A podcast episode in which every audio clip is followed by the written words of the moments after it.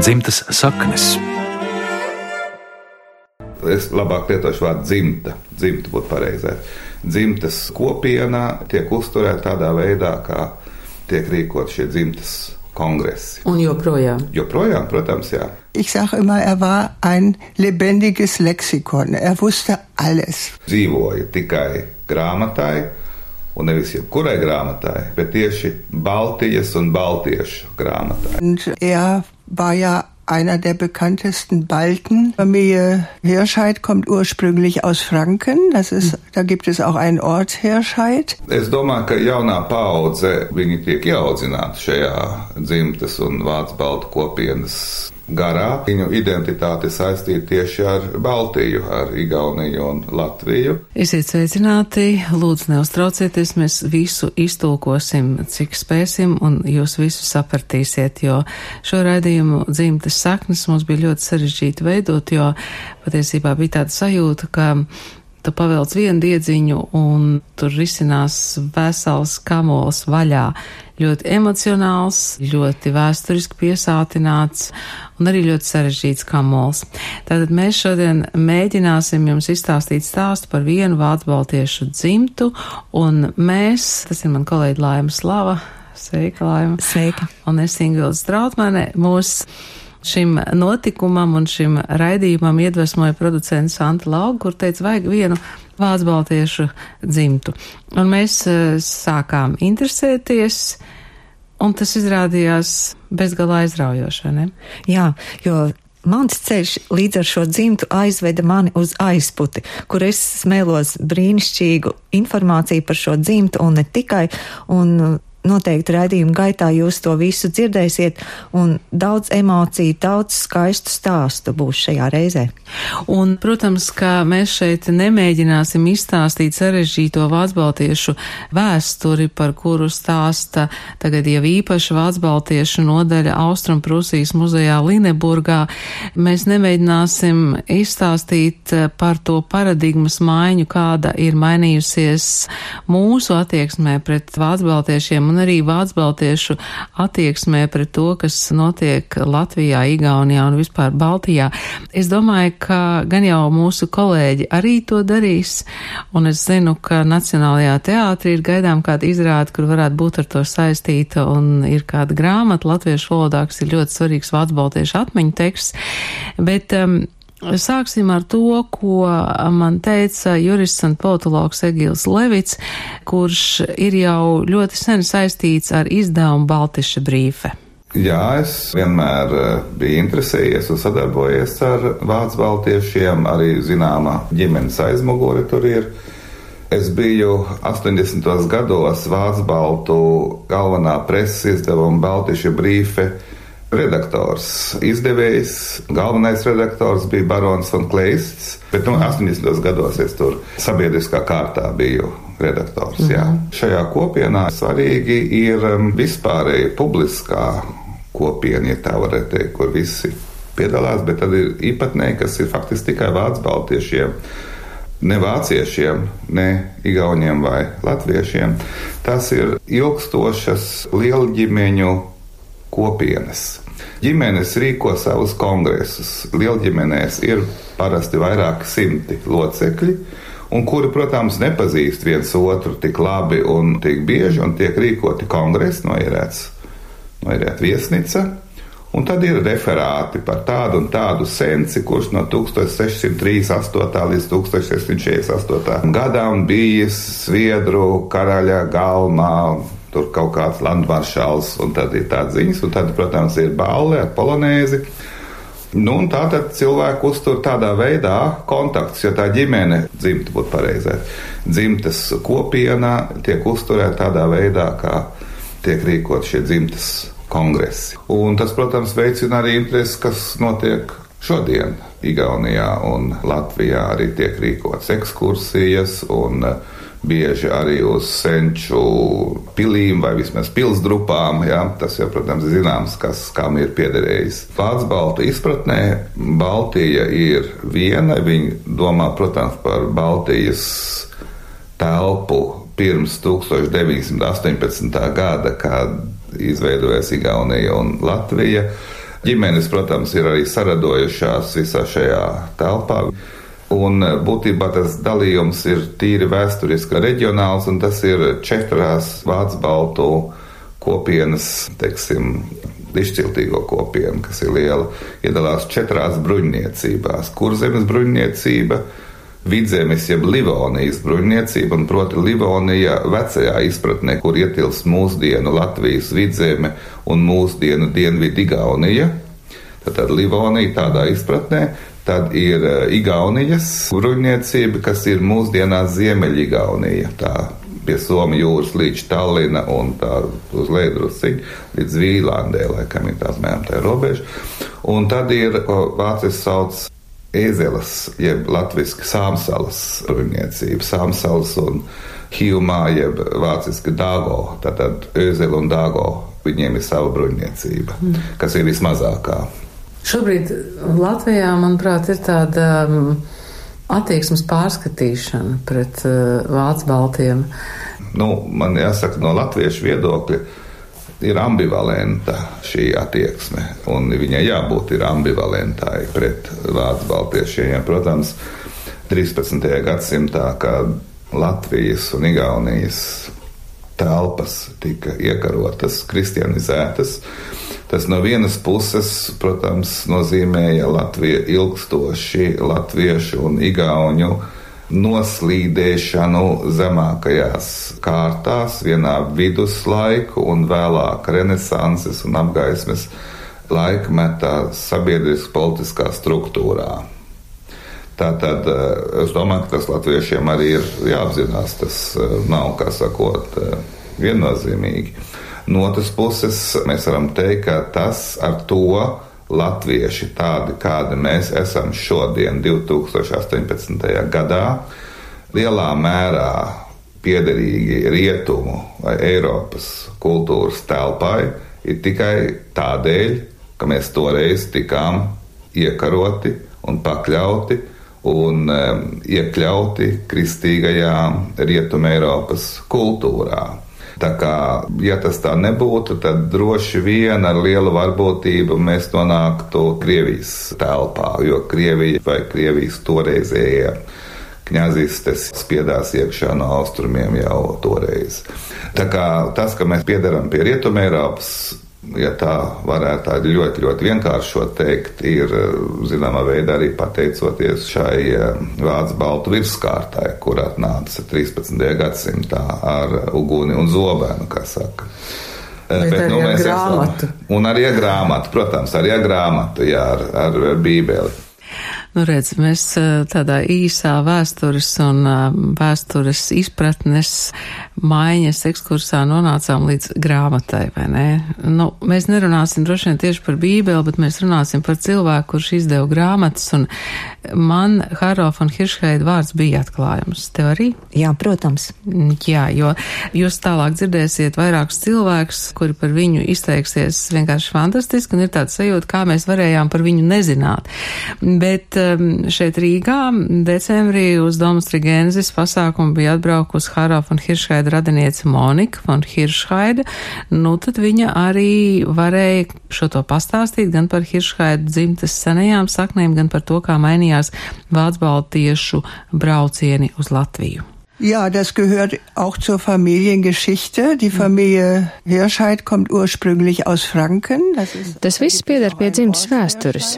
Fon Hiršheida dzimta nāk no Frankiem. Tur arī bija vieta ar nosaukumu Hiršheida. Un tad 17. gadsimtā viņi cauri Zviedrijai ieceļoja Livonijā. Viens no viņiem bija cēsu, bendenes, birģermeistars. Hiršheida dzimtā ir daudz ārstu un juristu.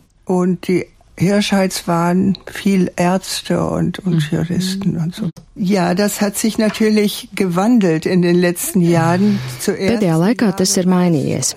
Sākumā tā bija pilnīgi nogrieztu sakņu atkal meklēšana no jauna. Tas bija gan interesanti, gan ļoti emocionāli. Un tad gan Harro gadījumā, gan arī manā gadījumā mēs iesaistījāmies Latvijas dzīvē. Harro ar savu grāmatu izdevniecību, es ar Domus Rigensis. Tā mēs nonācām mūsdienu Latvijā, iepazīstot jaunus cilvēkus, un tā kaut kas no vēstures pārtapa tagadnē. und hat sich interessiert für die Gegenwart von Lettland. Mhm. Also bei Harro, der kannte ja noch die in Eisputte, mhm. das Pfarrhaus und wo er aufgewachsen war. Harro, piemēram, vēl atcerējās mācītāju māju aizputē, kur viņš bija uzaudzis, skolu, kurā bija mācījies. Viņš pazina vēl dažus cilvēkus. Viņš arī atrada savus latviešu radus. Viņa vecvecmāmiņa, kura bija Hiršheida, bija palikusi Latvijā. Viņam nevajadzēja tik ļoti meklēt, jo viņš jau zināja un atcerējās vietas un cilvēkus. Es savukārt Latvijā pirmo reizi biju 1984. gadā kopā ar vīru un māti. Un tā Monika von Hiršhaid mūs aizved uz aizputi, vēl tikai jāpiebilst, ka von Hiršhaid dzimtai ir gan savs ģērbonis, gan savu mājaslapa, un eh, mēs arī diezgan daudz par viņiem varējām uzzināt, bet tad laim tu vienkārši brauc uz aizputi, vai ne? Jā, jo pētot šo dzimtu citādi nedrīkst vai nevar, nav iespējams. Un tā ir vieta, kur ir aizritējusi jau minētā Haro un viņa brāļa Arnolda bērnība un skolas gadi, un tā ir vieta, kur viņu tēvs Valters von Hiršhaits bija aizputes evaņģēliski luteriskās draudzes vācu mācītājs. Taču aizputē un tās apkārtnē dzīvojuši daudz vācu baltiešu, un par to man stāstīja aizputnes nometpētniecības muzeja vadītāja Jolanta Berga. Baltvācieši aizputē bija tāda tautas inteliģences daļa. Tie bija tirgotāji, tie bija ārsti, juristi. Tas bija pēdējais vācu, vācu baltiešu mācītājs Walters von Hiršhaits. Vācu draudzē darbojās kopā ar latviešu draudzi Svētā Jāņa baznīcā, kas ir Liepājas ielā, kas tagad ir arī oficiālā aizpūtas evaņģēs kluteriskās eh, baznīcas mājvieta. Tur vienlaikus darbojās tad latviešu draudz sanāca, dalīti tie divkalpojumi bija, bet zem viena jumta ļoti draudzīgi vācu baltieši un latvieši. Un tur strādāja arī Valters von Hiršhaits kā mācītājs līdz savai aizbraukšanai uz Vācijām atpakaļ. Tajā laikā, kad vēl vācu baltieši bija šeit, šeit bija arī ļoti liela daļa ebreju Un līdz ar to tas nacionālais sastāvs bija ļoti, ļoti sajaukts. Tas tā nevarēja teikt, kā šobrīd mēs par aizputu sakam, kā ļoti latvisku pilsētu, kur ir virs 90%, 94% ir pamatnācijas iedzīvotāji. Tajos gados skaitliskā ziņā ļoti lielu īpatsvaru sastādīja šie vācu baltieši, ebreji, nu un tad arī citu tautību pārstāvi, protams, bet viņi visi dzīvoja ļoti ciešā saskaņā to arī stāsta gados vecākās paudzes aizputnieki, ka tā saskaņa bija ļoti laba, ļoti laba un draudzīga. Un tie pārdzīvojumi, kad vieni bija spiesti doties projām 39. gadā, kad Hitlers savējos sauc uz mājām, un otra 41. gadā tika iznīcināti holokausta operācijās, tad um, tā nav tāda viennozīmīgi, ka to tā pieņēma aizputnieki kā paši par sevi saprotam lietu. Tas ir nesis ļoti, ļoti liels pārdzīvojums. It īpaši gados jaunāku cilvēku starpā, jo daudziem tie bija draugi, klases biedri, kuri pēkšņi aizbrauca, vai viņi vienkārši pēkšņi vairs nebija.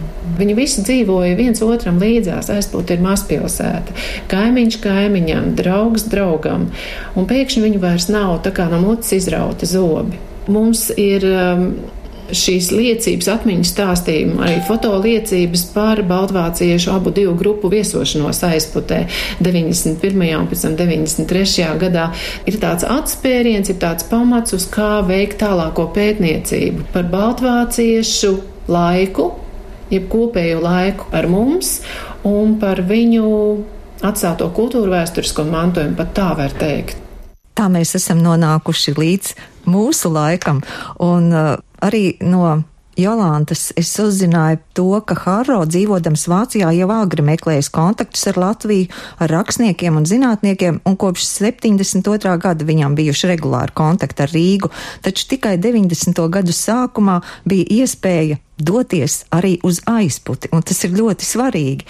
Muzejā ir arī precīzi datumi no 5. līdz 12. septembrim 91. gadā aizputē ieradās 17 Haro klases biedri, kurus viņš visus bija uzrunājis un tā tad uzaicinājis, bet tur bija arī ne tikai no aizputes savulaik, bet arī no tuvējās vai tālākās apkārtnes, tātad šie vācu baltieši. Un tā pirmā vizīte ir atstājusi ļoti spilgtus iespaidus joprojām cilvēku atmiņās, un man bija arī tā brīnišķīgā iespēja satikt aizputnieci Mirdzu Birznieci, pētnieci, bijušo skolotāju, folkloristi un arī novatpētnieci kaut kādā ziņā arī viņas pašas dzīve tika ietekmēta no šīs Vācu Baltiešu vizītes 91. gadā, un uh, viņa tūldaļ jums pastāstīs, kā notika viņu ierašanās aizputē un kāda vispār tam bija tālākā virzība. Viņi atbrauca ne tikai uz savu bērnības un jaunības zemi, bet viņi atbrauca arī ar nolūku, lai šai vietai kaut kā palīdzētu. Un viņi piedāvāja savu palīdzību. Viens vienā jomā, otrs otrā, trešs trešajā. Viens teica, viņš ar medicīnu var saistīties un slimnīcai kaut kā palīdzēt. Citi palīdzēs sadzīvē. Viens sagādās krāsas, kur vecās aizputs noplukušās mājas varēs pārkrāsot. Un vadīja viņus visus, un tas, kas bija norganizējis, tas bija Haro. Jā, Haro bija norganizējis to grupu, kas uz šejieni lai brauc. Un Haro teica, ka viņš ir grāmatu izdevējs, un viņš ir ar mieru izdot grāmatu ceļvedi par aizputi, ja ir kāds, kas to uzraksta. Un tagad viņi visi skatās uz mani kā uz tādu, tātad, kad es varētu uzrakstīt to grāmatu līdz šim nevienu grāmatu nebija tādā virzienā rakstījusi, nu, bet nērti atteikt. Un tā tiešām tapa šī grāmata, jā, ceļvedis pa aizputi, ko Haro solīja izdot.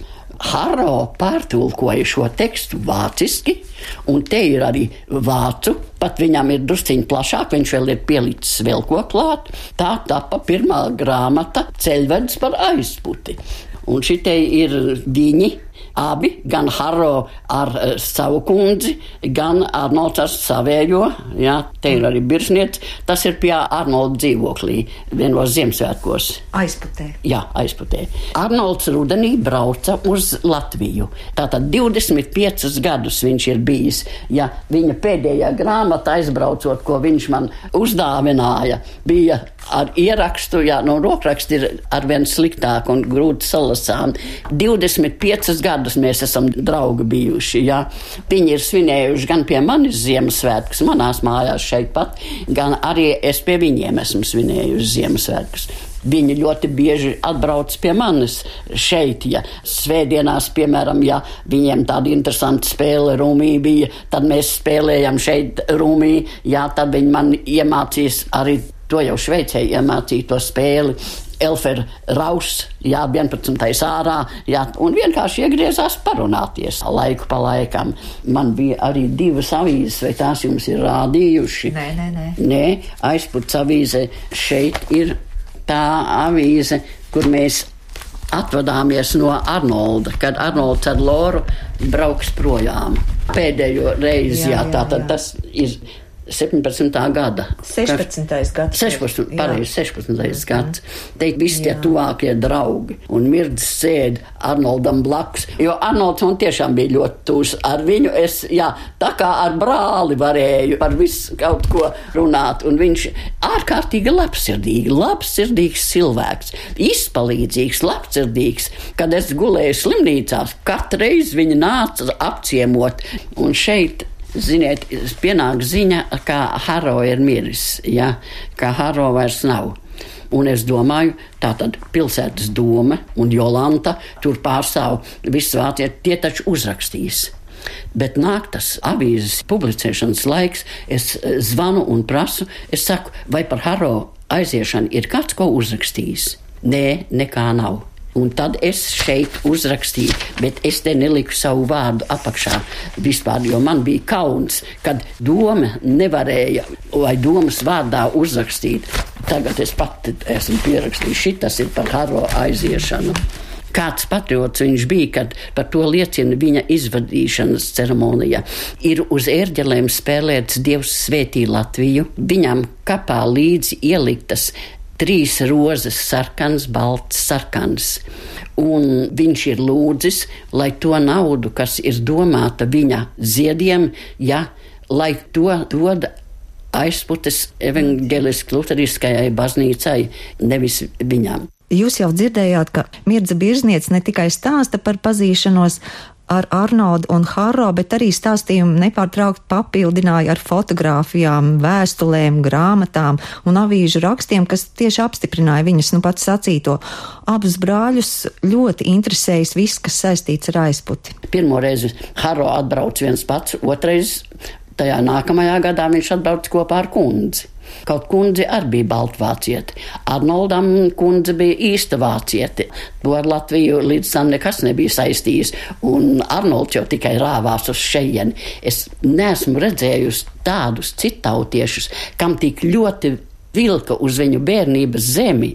Un kā es jums jau toreiz teicu, kad jā, Arnolds teica, ka aizputa ir pasaules viduspunkts, jā, pasaules centrs. Kaut pats Arnolds man teica, ka Harro mīlestība esot vēl lielāka bijusi pret Latviju. Un kad Haro vairs nevarēja uz Latviju atbraukt, kad viņš bija tik vārgs, tad šeit, tajā mājā, tur bija arī visas tā grāmata kā noliktava. Un Arnolds tad braukāja apkārt pa Latvijas skolām, dalīdams tās Haro izdotās grāmatas. Cik viņi daudz tiešām arī materiālā ziņā ir šeit, šai apkārtnē palīdzējuši. Kā jūs skaidrojat to viņu mīlestību pret aizputi? Es, ziniet, tas ir pat grūti pateikt, vai tā ir mentalitāte cilvēka. Bet visi tādi cilvēki taču nevar būt. Bet viņus tik ļoti vilka uz šejieni, tik ļoti. Es domāju, varbūt tātad 39. gadā, kad viņa aizbrauca, ne jau tūlīt viņa nokļuva Vācijā. Pirmā dzīves vieta bija Polijā. Einu zina, kādi viņiem tur bija apstākļi. Viņa it kā grib ar savu tagadējo rīcību mazliet dzēst to slikto, ko vācieši mums ir savā laikā nodarījuši. Vienā vakarā Arnolds gribēja par to tur pie viņa mājā, kad es biju par to runāt. Ja, jo viņš sajūta kaut kādu vainas apziņu arī. Ja, ne jau paša viņa, bet viņa senču dēļ. Ko tie latviešiem savā laikā nodarījuši. Man tāds iespējas, varbūt es maldos, bet man tāds iespējas palika. Nu, jā, redz, te parādās tā divējādā attieksme, protams, pret vācbaltiešiem un latviešiem, un ko mēs viens otram esam nodarījuši, vai arī ko mēs viens otram esam devuši. Tas ir tik ļoti sarežģīts jautājums. Bet eh, mēs šeit cenšamies saprast Harofu un Hiršhaidu, kas eh, ir neparasts eh, vācbaltietis, nodarbojas ar neparastām lietām, un es arī Iegīlam Levitam jautāju, kāpēc Haro ir tik īpašs. Jā, es viņu pazinu.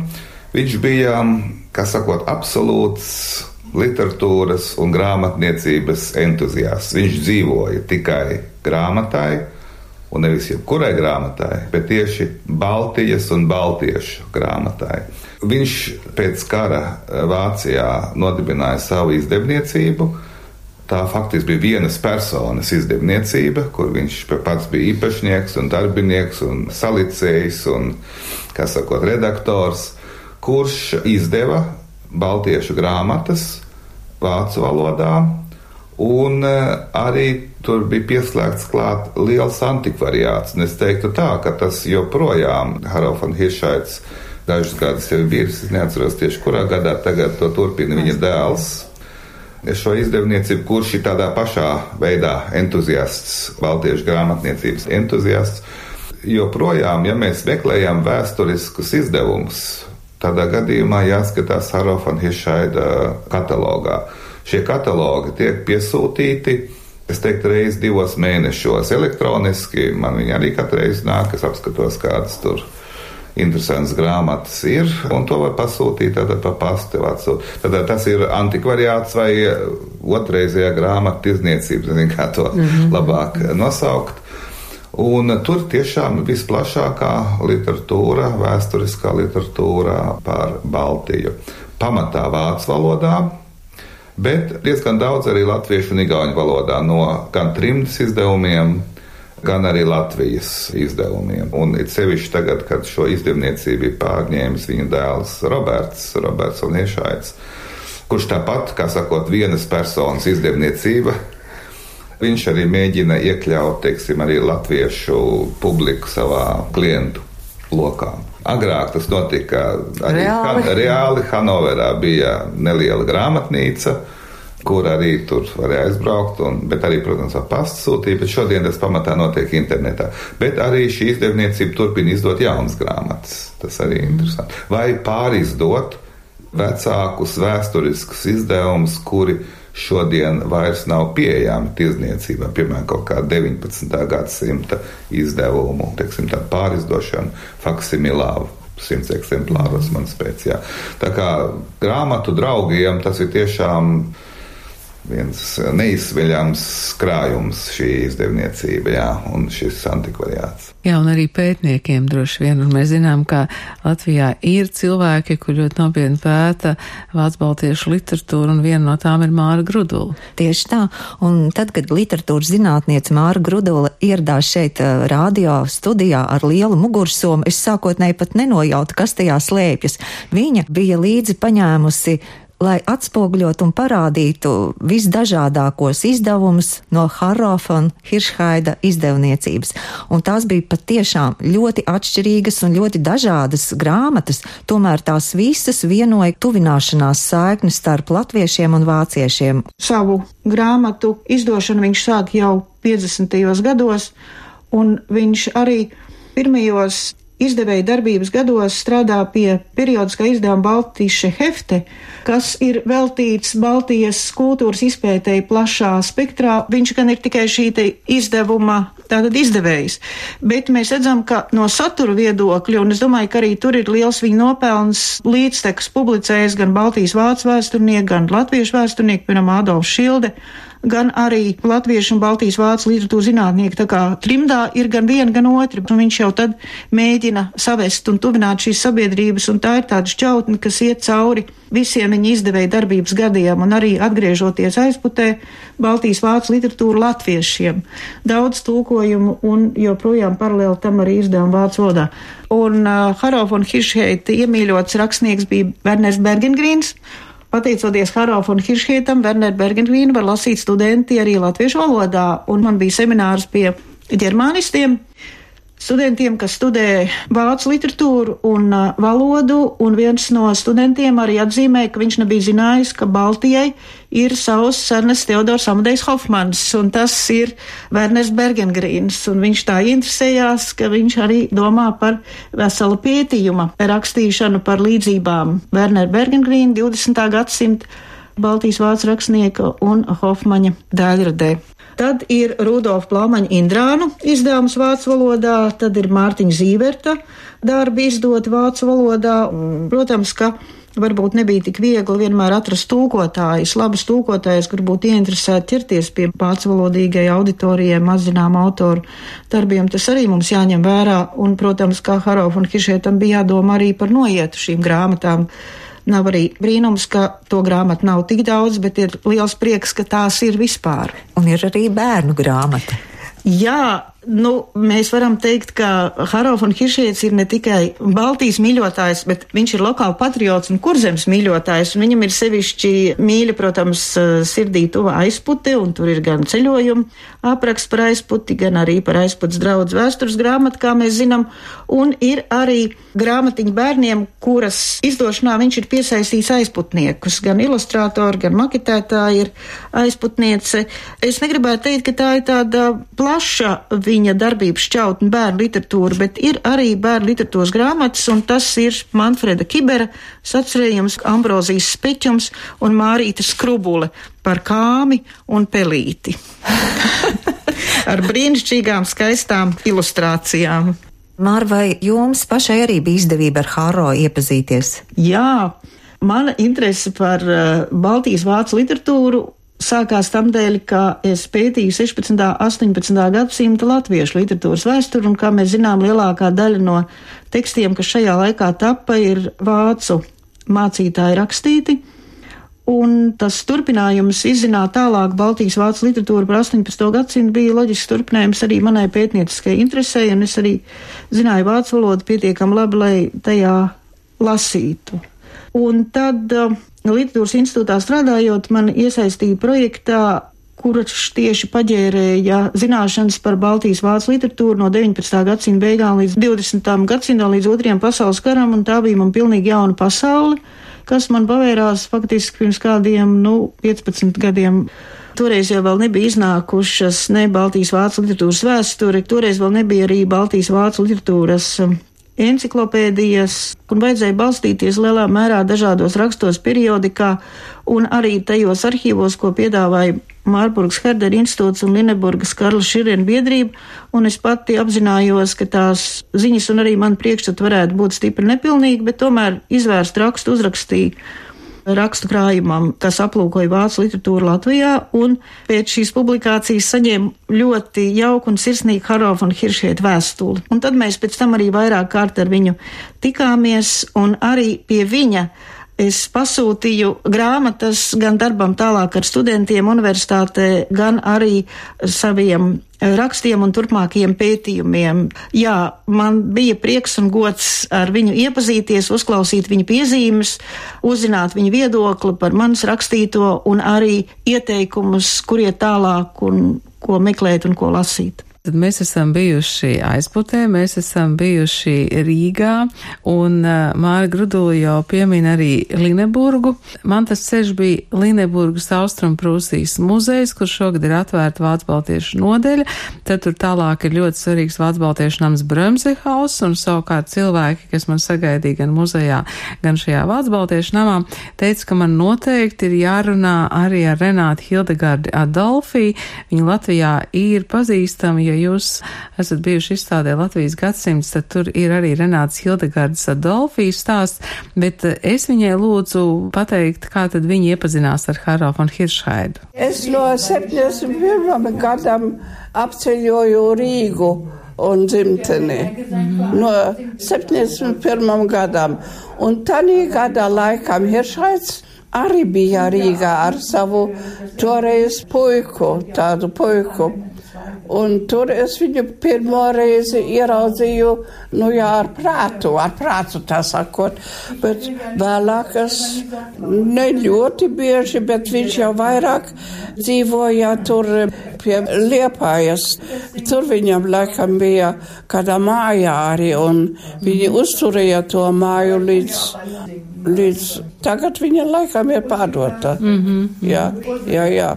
Nu jā, viņš ir mācītāja dēls un pats ir. Jā, viņš tirgoja ar grāmatām. Nu, visas istabas bija pilnas ar nu, krāviem. Grāmatu, un viņš vienmēr zināja, kur tā paša grāmata, kur viņš meklēja, bija izrāva, izrāva ārā no. tā, jā.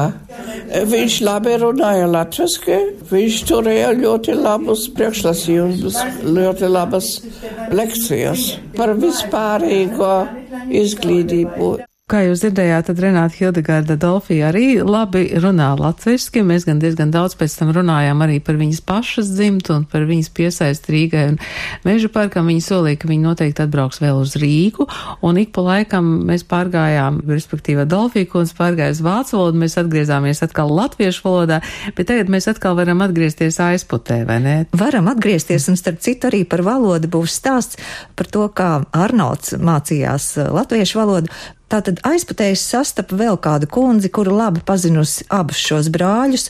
Tā ir aizputs kultūras darbiniece Ariāna Štrāle, un viņa man arī izstāstīja, un tā kā garām braucot, es arī redzēju to namu, kurā tad. Uh, Haro un Arnolds ir dzīvojuši bērnībā, bet, kā jūs dzirdējāt, tad Haro iegādājās namu jau pēc tam 90. gados atgriežoties Latvijā, un arī par šo namu tad man stāsta Ariāna Štrāle. Kurš to mājiņu nopirkt, to es nezinu. Jā, jā. Bet tā mājiņa ir vēl tagad.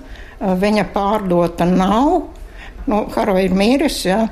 un tagad nevis viņa bērni uz turieni brauc, bet viens no viņa mazdēliem, kas ar tā kā ir iemīlējis Latviju un aizputē skaitā. Un viņš, viņš Kādreiz mēs viņu saucam par zaļo mājiņu, par zaļo namiņu, jo tad patiešām viss bija nokrāsot zaļš. Un tagad viss atkal otrādi, tieši tumšs sarkans. Bet tā māja, kur Haro bērnībā dzīvojas, tā ir zināma, kur tā ir? Jā, tā ir te uz stūra, kas tur tagad ir. Tur ir austuve, pa trepēm lejā un tad augšā un reiz labajā pusē, kur ir tas vairākiem aizputniekiem patīk, bet ir arī tādi, kuriem nepatīk, jo te tā aktīvā darbošanās serdē kas notiek. Tur brauc dažādi mākslinieki no dažādām valstīm, un viens no viņiem uztaisīja pandu. Pie tās pandas augšā tur tā mājiņa, tā ir tā, kur Haro ģimene dzīvoja. Haro arī atcerējās par bērnību, stāstīja arī jums kaut ko par savu bērnību. Haro man tik daudz par savu bērnību nestāstīja. Bet Arnolds, viņš saka, ka viņš ļoti labi atcerās 18. novembri no savas bērnības, ka viņš ar ģimeni tika iesēdināts tādā tā kā linidroškā. Tas ir linidroška, tā ir tāda zirgu pajūgā, kaut kas smalkāks nekā tie rati, ar ko zemnieki brauc, jā, un ne tie zirgi. Jā, ne jau kur zemes vilcē, bet laikam jau kaut kā tur tāda. Un kā viņi ir braukuši, bet man liekas, ka viņš raksta cauri pilsētai, uz kurien viņi būtu braukuši. Es tā nesapratu, jā, bet nu, viņš atcerās to sīkais. Jā, tas viņam, un vispār viņam nāk tādas atmiņas ar vien vairāk par to, kā viņi te ir dzīvojuši. Un kā viņi abi divi pēc rakstura? Pilnīgi pretēji. Pilnīgi, viņi visi, à, viņam jau vēl Renāte māsiņa bija tā jaunākā un pirmā nomira no viņiem. Un tā bija pavisam cits cilvēks, un viņi abi mīlēja ļoti to Renātu. Un, uh, viņa nesauc nekad, viņa gandrīz nu, nekad nesauc viņu Renātu. Vienmēr teica, Unzere Klaine Tibihin, nu pat Tibihin, ka viņa ir Tibīte. Tāda, nu, tāda, vai no vistiņas tas bija domāts, vai kā, jā. Renāta bija ļoti mīļa un pretī nākoša, un nekad es nedzirdēju, viņai te četri bērni bija, un gandrīz viss izaudzināja vienu pat, jo vīrs tur agri nomira. Un, Kādreiz Harold teica, ka mēs ar kapsētu tur gājām tāds gabals. Es prasu, kāpēc tu vienmēr gribi nākt uz šejienes, sevišķi pavasaros. Viņš teica, tāpēc, ka viņam ļoti patīk baltie izbuļi, jo Misiņkalnā tad ir, nu, izbuļi tā, ka pilnīgi tepiķis viss cauri. Pirmkārt, un tad viņš nesēca izbuļi, tad viņš teica anemonas, jo, nu, faktiski jau tas ir no anemonas, ka viņam patīk un, un ka viņš gribētu gulēt aizputs kapsētā un ka viņš iet tāpēc, ka nu, tā staigāt arī, ka viņš skatās, kur varētu būt tā vieta, jo viņš negrib kaut kur citur palikt. Nu, nesanāca, jā, tā. Nu, tā tās, tās sadzīviskās lietas tādas. Un kā jūs ar viņiem sarunājāties latviešu valodā? Viņi, viņi Arnolds, starp citu, jā, tas arī viens tāds gājiens, bija mērķis iemācīties latviešu valodu. Jo tajā laikā, kad viņi aizbrauca no Latvijas, viņš jau bija gājis arī tikai tajā vācu skolā. Tāpēc ar to latviešu valodu, nu, tā viņam uz jūs apmēram. Tas bija viņa mērķis, iemācīties latviešu valodu. Viņš teica, man nav ko darīt aizputē un Latvijā, ja es nemācīšu. Un tad viņš gāja pie ausmiņas mācīties latviešu valodu. Viņš runāja, bet saprotiet, kā bija ar mani. Viņš nemūžam nerunāja latviešu nekad. Bet tad, kad viņš aizgāja te uz baznīcu un satikta tur kaut kādas tantiņas, ja, kas tur vai nu slaucīja, jeb kaut ko, viņš vienmēr teica, es satikos ar Annu. Es teicu, nu, un ko te jūs darījat? Viņš saka, runājam. es prasu, Anna sāk uz vācisku runāt. Viņš teica, nē, es ar Annu runāju latvisku, un viņa visu saprata. Monikai von Hiršhaidai es jautāju, ko tad viņa zina un kā viņa pazina Haro dzimtu, un faktiski tas interesantākais bija tas, ka Monika von Hiršhaida teica, ka viņa domā, ka Haro von Hiršhaids bija viens no tiem vācbaltiešiem, kas tā pa īstam atgriezās Latvijā. Mein Mann ist ja in Hirschheid, sein Vater ist schon nach dem Ersten Weltkrieg nach Deutschland gegangen, 1919. Mans vīrs ir Hiršheits. Viņa tēvs 1919. gadā aizbrauca uz Vāciju. Mans vīrs tā tad ir Haro radinieks. Vīra tēvs nāk no Latvijas. Arī man abi vecāki nāk no Latvijas Vācu-Baltiešu ģimenēm. Ar Haro ģimeni mēs kādu laiku dzīvojām vienā Vācijas pilsētā jā. Kāds viņš bija? Haro Ein ganz langer Mann, groß, Ja. sehr groß, sehr ruhig, sehr freundlich. Haro bija ļoti gara auguma vīrs. Ļoti mierīgs un draudzīgs cilvēks. Viņam pēc kara nebija iespēja studēt, bet viņš bija īsts grāmatnieks. Viņš mācījās, kā vadīt grāmatu veikalu. Es vienmēr saku, ka viņš bija dzīves leksikons. Viņš zināja visu. Ja kāds gribēja kaut ko zināt par Latviju, par literatūru vai vēsturi, tad vajadzēja tikai pajautāt Harro. Viņš runāja latviski, viņš Latvijā bija skolā gājis, un tikko vien tas bija iespējams, viņš brauca uz Latviju. Kad Latvija atguva neatkarību, viņš dzīvoja Latvijā katru gadu mēnešiem ilgi. Protams, arī Latvijā meklēja grāmatas, līdz nodibināja izdevniecību arī Latvijā, kur sākumā viņš, protams, izdeva vācu baltiešu literatūras tulkojumus latviski. Un otrādi, viņš izdeva latviešu literatūras tulkojumus vācu valodā. Tie bija ļoti skaisti izdevumi, labi iesieti. Un vēl viņš vienmēr bija klāt ar savu grāmatu galdu vācu baltiešu pasākumos Vācijā. Tur viņš izlika grāmatas, kuras viņa prāt varētu būt interesantas Vācijā, un tad tās varēja pasūtināt. Viņš iesaistījās Vācu baltiešu kultūras organizācijās un iesaistīja arī mani. Es, diemžēl, nerunāju latviski. Tomēr, kā skan latviešu valoda, es atceros no bērnības, jo vecāki sarunājās latviski tad, kad gribēja, lai bērni nesaprot. Protams, toreiz mēs nekad nevarējām iedomāties, ka mēs varēsim atgriezties Latvijā. Mm -hmm. Mehr erlebt. Vai Haro arī bija interese par Latvijas vēsturi? Ja, er hatte großes Interesse an der Geschichte und Also ich glaube, er ist einer der wenigen, die Jā, viņam bija liela interese par vēsturi, bet es domāju, ka viņš ir viens no nedaudzajiem vācu baltiešiem, kurš patiešām reāli atgriezās Latvijā. Arī viņa brālis Arnolds. Viņu tēvs bija mācītājs. Grāmatas un baltieši - tās bija viņa garīgās intereses. Viņam pat nebija tik labs kontakts ar cilvēkiem Vācijā kā ar Latvijas cilvēkiem. Viņam bija seši bērni, viens gāja bojā negadījumā, četri dēli un divas meitas. Viens no viņa dēliem, Roberts, arī tagad pārņēmis izdāvniecību un antikvariātu. Joprojām divreiz gadā Roberts izdod pie viņa pieejamo grāmatu katalogu. Tur var pasūtīt grāmatas, bet viņam ir arī grāmatveikals, kur tirgo vācu grāmatas. Tas atrodas netālu no Hannoveras, Melendorfā.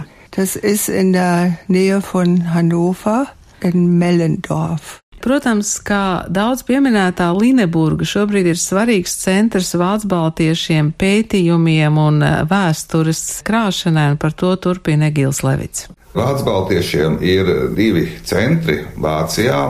Viens ir Darmštatē, kur ir Vācu baltu nams, kur ir eh, Vācu baltu organizācijas sēdeklis, bet otrs ir, teiksim, kultūrālais centrs Lineburgā Un eh, pēc otrā pasaules kara tur bija apmetušies eh, diezgan daudz vācu baltiešu. Un eh, baronese von Zasa organizēja vienus vēsturiskas, es domāju, ka 300-400 gadu vecas ēkas iegādi Līneburgas centrā. Tur ir Vācu Baltu muzejs, tur notiek dažādi kultūras pasākumi. Ļoti interesants nams, vēsturiski atjaunots. Galvenais Vācu Baltu kultūras centrs tādā fiziskā nozīmē Līneburga. Jā. Tas nams saucās Bremzehaus. Nu, man vēl kāds brīdis ir jāpagaida, līdz es nonāku šajā slavenajā Bremze hausā, jo vispirms es esmu Lineburgas Austrum Prūsijas muzejā un jaunatklātajā Vācu Baltiešu nodaļā mani sagaida un ekskursijā vada Jons Bārfots. Tāds neliels ieskats mūsu ekskursijā pa Vācu Baltiešu nodaļu ļoti ātri pārskrienot pāri vēsturei. Vācu baltieši - tas ir jēdziens, kurš daudziem jāskaidro arī šeit, Vācijā. Protams, tā ir ļoti neliela iedzīvotāja daļa, un vēstures zināšanas mūsdienās nav tās pilnīgākās. Tāpēc arī šeit ir vajadzīgs skaidrojums, kas tad ir Vācu baltieši, kāda ir šīs iedzīvotāja grupas sarežģītā vēsture un kas ar viņiem notika. Un da geht es eben hier um die Te redziet, skatām Rīgas dibināšanu. Vēsture no viduslaikiem turpinās. Te ir Gotthards von Ketlers, pēdējais Livonijas ordeņa mestrs, kurš pēc tam kļuva par kurzemes un zemgales hercogists hercogu. Daudzas lietas, kuras jūs šeit redzat, nāk no Karla Širena Gezelšafta krājuma. Agrāk tās atradās namā, kur sauc Bromzehaus. Tagad tās ir nodotas mūsu muzeja ekspozīcijā.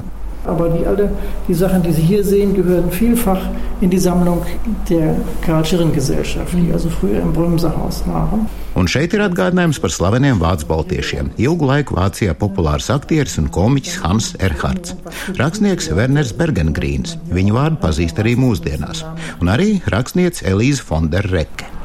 Eben um. Un tālāk te jau ir par Pirmo pasaules karu. Un cīņa pret sarkano armiju no 1919. līdz 1920. gadam, un tad par Vācu baltiešu stāvokli jaunajās neatkarīgajās republikās, un visbeidzot par izceļošanu 1939. gadā. Mēs mēģinām parādīt, kā tas notika, jo tā vairs nebija bēgšana, bet patiešām izceļošana. Cilvēki varēja paņemt līdzi daudz vairāk mantu. Tā bija plānota izceļošana nevis ar vienu koferi, bet pat ar kravas mašīnām. Tos vācu baltiešus, kur devās uz Vāciju, nometināja Polijai atņemtajā teritorijā. Tobrīd daudz poļi tika izlikt no savām mājām, lai tur varētu apmesties izceļojošie vācu baltieši.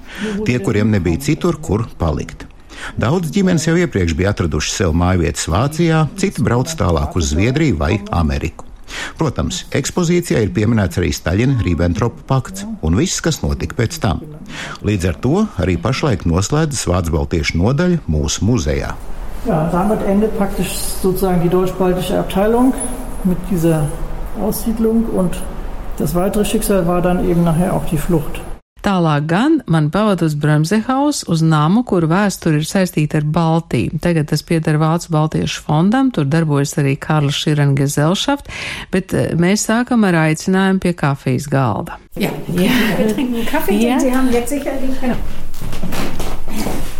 Setzen Sie sich, das richtig ist, sind das nämlich schon auch alte Möbel aus dem Baltikum. Wir haben das Bremsehaus, ist eigentlich ganz witzig. Es heißt Bremsehaus, weil ein Mēs pašlaik atrodamies Bremzehaus, namā ar pirmajā brīdī šķietami dīvainu nosaukumu, bet šo namu cēla un tas piederēja bagātam Lineburgas tirgotājam Dītriham Bremze. Šai ģimenei ir ļoti liela nozīme ne tikai Lineburgā un tās rātē, bet arī Lībekā. Viņi bija ļoti svarīgi Lineburgas patricieši. Herr Topisch ist äh, stellvertretender Vorsitzender der Karl-Schirren-Gesellschaft. Okay. Und ich bin stellvertretende Vorsitzende der Deutsch-Baltischen Kulturstiftung. Der gehört dieses Haus. Un te notiek arī neliela iepazīšanās. Kristiāns Taups ir priekšsēdētāja vietnieks Karls Šīren Gezelšaft, tātad Karls Šīren biedrībām. Savukārt Edīta Kross ir priekšsēdētāja vietniece Deutsche Baltisches Kultūrwerk, tātad Vācu Baltiešu kultūras fondā. Mūsu sarunā piedalās arī bibliotekas vadītāja Ortrun von Toll. Un tā Edīte turpina. Und jetzt ist eine die Deutsch-Baltische Kulturstiftung, das heißt eine Institution hier im Hause. Mūsdienās šis nams pieder fondam, tātad Deutsch-Baltisches Kultūrwerk. Skaistākais šajā stāstā par namu un Lieneburgas patriciešu ģimeni ir tas, ka tirgotājs Brömze savos tirdznieciskajos darījumos bija saistīts ar Hanzas Savienību un Rīgu. Visai ģimenei bija saites ar Baltiju, dažiem bija arī baltiešu sievas. Un tā visa sakarā Bremzehaus šis nams tagad pieder Vācu Baltiešu kultūras fondam, kurš nodarbojas ar Vācu Baltiešu vēsturi. Un šeit darbojas Karla Šīren Gezelšaft, Karla Šīren biedrība. Šī biedrība krāj un vāc visu, kas saistīts ar Vācu Baltiešu kultūru un arhīviem. Lietas, kurām ir muzejiska vērtība, kuras piederēja ģimenēm, kuras pēc 39. gada izceļoja caur Vartegau Polijā. Pēc kara ļoti daudz Vācu Baltiešu ieceļoja dzīvoja Lineburgā un tās apkārtnē, un tika nodibināts klubs apvienība Karla Šīren Gezelšaft. Viens no uzdevumiem bija vākt un saglabāt vācu baltu mantojumu - dokumenti, manuskripti, kartes, grāmatas. Mūsu bibliotekā ir 50-60 tūkstoši grāmatu, sudrablietas, mēbeles. Starp citu, mēs arī pašlaik kafiju dzeram sēžot uz vācu baltiešu mēbelēm. Un viss, ko jūs redzējāt muzejā, ir no mūsu krājuma un mūsu fonda darba rezultāts. Nu tātad muzejs, tad arhīvs par 800 gadu senu Vācu baltiešu vēsturi. Šo vēsturi veido starp citu savstarpējas ietekmes arī ar Baltijas tautām. Protams, visvairāk arhīva dokumenti ir no 19. gadsimta beigām un no 20. gadsimta. Pirms izceļošanas, tad ceļošana un laiks pēc tam. Un arī par Vācu baltiešu iedzīvošanos un integrāciju atkal no jauna Vācijā. Unser ältestes Buch in der Bibliothek ist eine Schrift Luthers. Ein, schon eine Druckschrift. Jā, daudz kas ir gājis bojā. Mūsu bibliotekā vecākā grāmata ir no 16. gadsimta kāds Lutera darbs. Tas ir atgādinājums par garīgo dzīvi Livonijā. Tātad muzejs, arhīvs un biblioteka, kura ir digitāli pieejama arī zinātniekiem visā pasaulē. Mēs esam Nordost institūta bibliotekas sastāvdaļa. Bibliothek, die zu Hamburg gehört. Das ist eine Universität. Und dann haben wir einen weiteren, einen weiteren Zweig. Das alles, was ich Ihnen jetzt gesagt habe, ist ja Geschichte. Viss, ko es stāstīju līdz šim, tā ir vēsture, bet tas, ko mēs darām tagad, mēs veidojam Deutsche Baltišas jaunatnes fondu, lai veidotu jaunatnes Eiropas izpratni. Notiek semināri par dažādām tēmām gan Lineburgā, Hamburgā, Tallinā, Rīgā, Tartū, Darmštatē.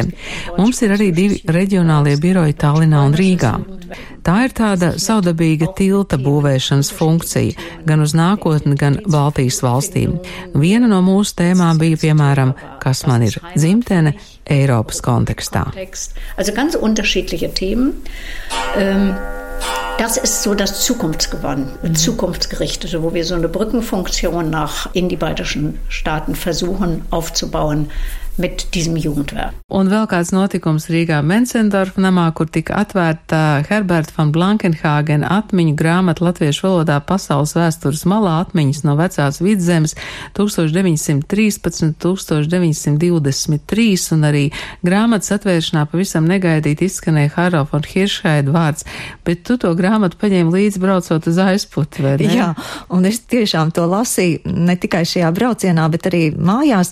Tā mani vienkārši apbūra, es nokļuvu laikā, kur it kā mēs no vēstures arī zinām tikai caur savu, diezgan šauru jāteic skatu punktu, bet šī grāmata man pavēra acis, un es skatījos un lasīju un vēsturi raudzīju no Vācu baltieša skatu punkta. Un tas bija 17. un 18. gads, kas man vienkārši aizrāva. Jā, un es ļoti ceru, ka šis raidījums ir tikai tāds neliels sākums vai neliels ieskats, un mūsu kolēģi turpinās par to runāt, un iespējams, ka mēs arī paši turpināsim par to runāt un interesēties un lasīt un sarunāties un sarakstīties, jo ar Robertu von Hiršhaidu es sarakstījos, viņam tā grāmatnīca ir tur pie Hanoveras, un tur mēs neaizbraucām, un arī Arnolds, kurš atrodas Šveicē pansionātā.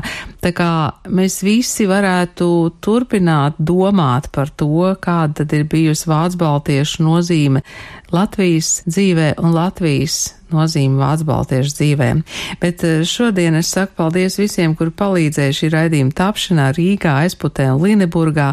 Paldies kolēģiem Mārai Rozenbergai, Valdim Raitumam, Grigorijam Mamīlovam, Mansim Pavasarim, Santai Laugai, bet vienas Vācu baltiešu dzimtas liktenī saknes meklēja Laima Slava un Ingvilds Strautmane.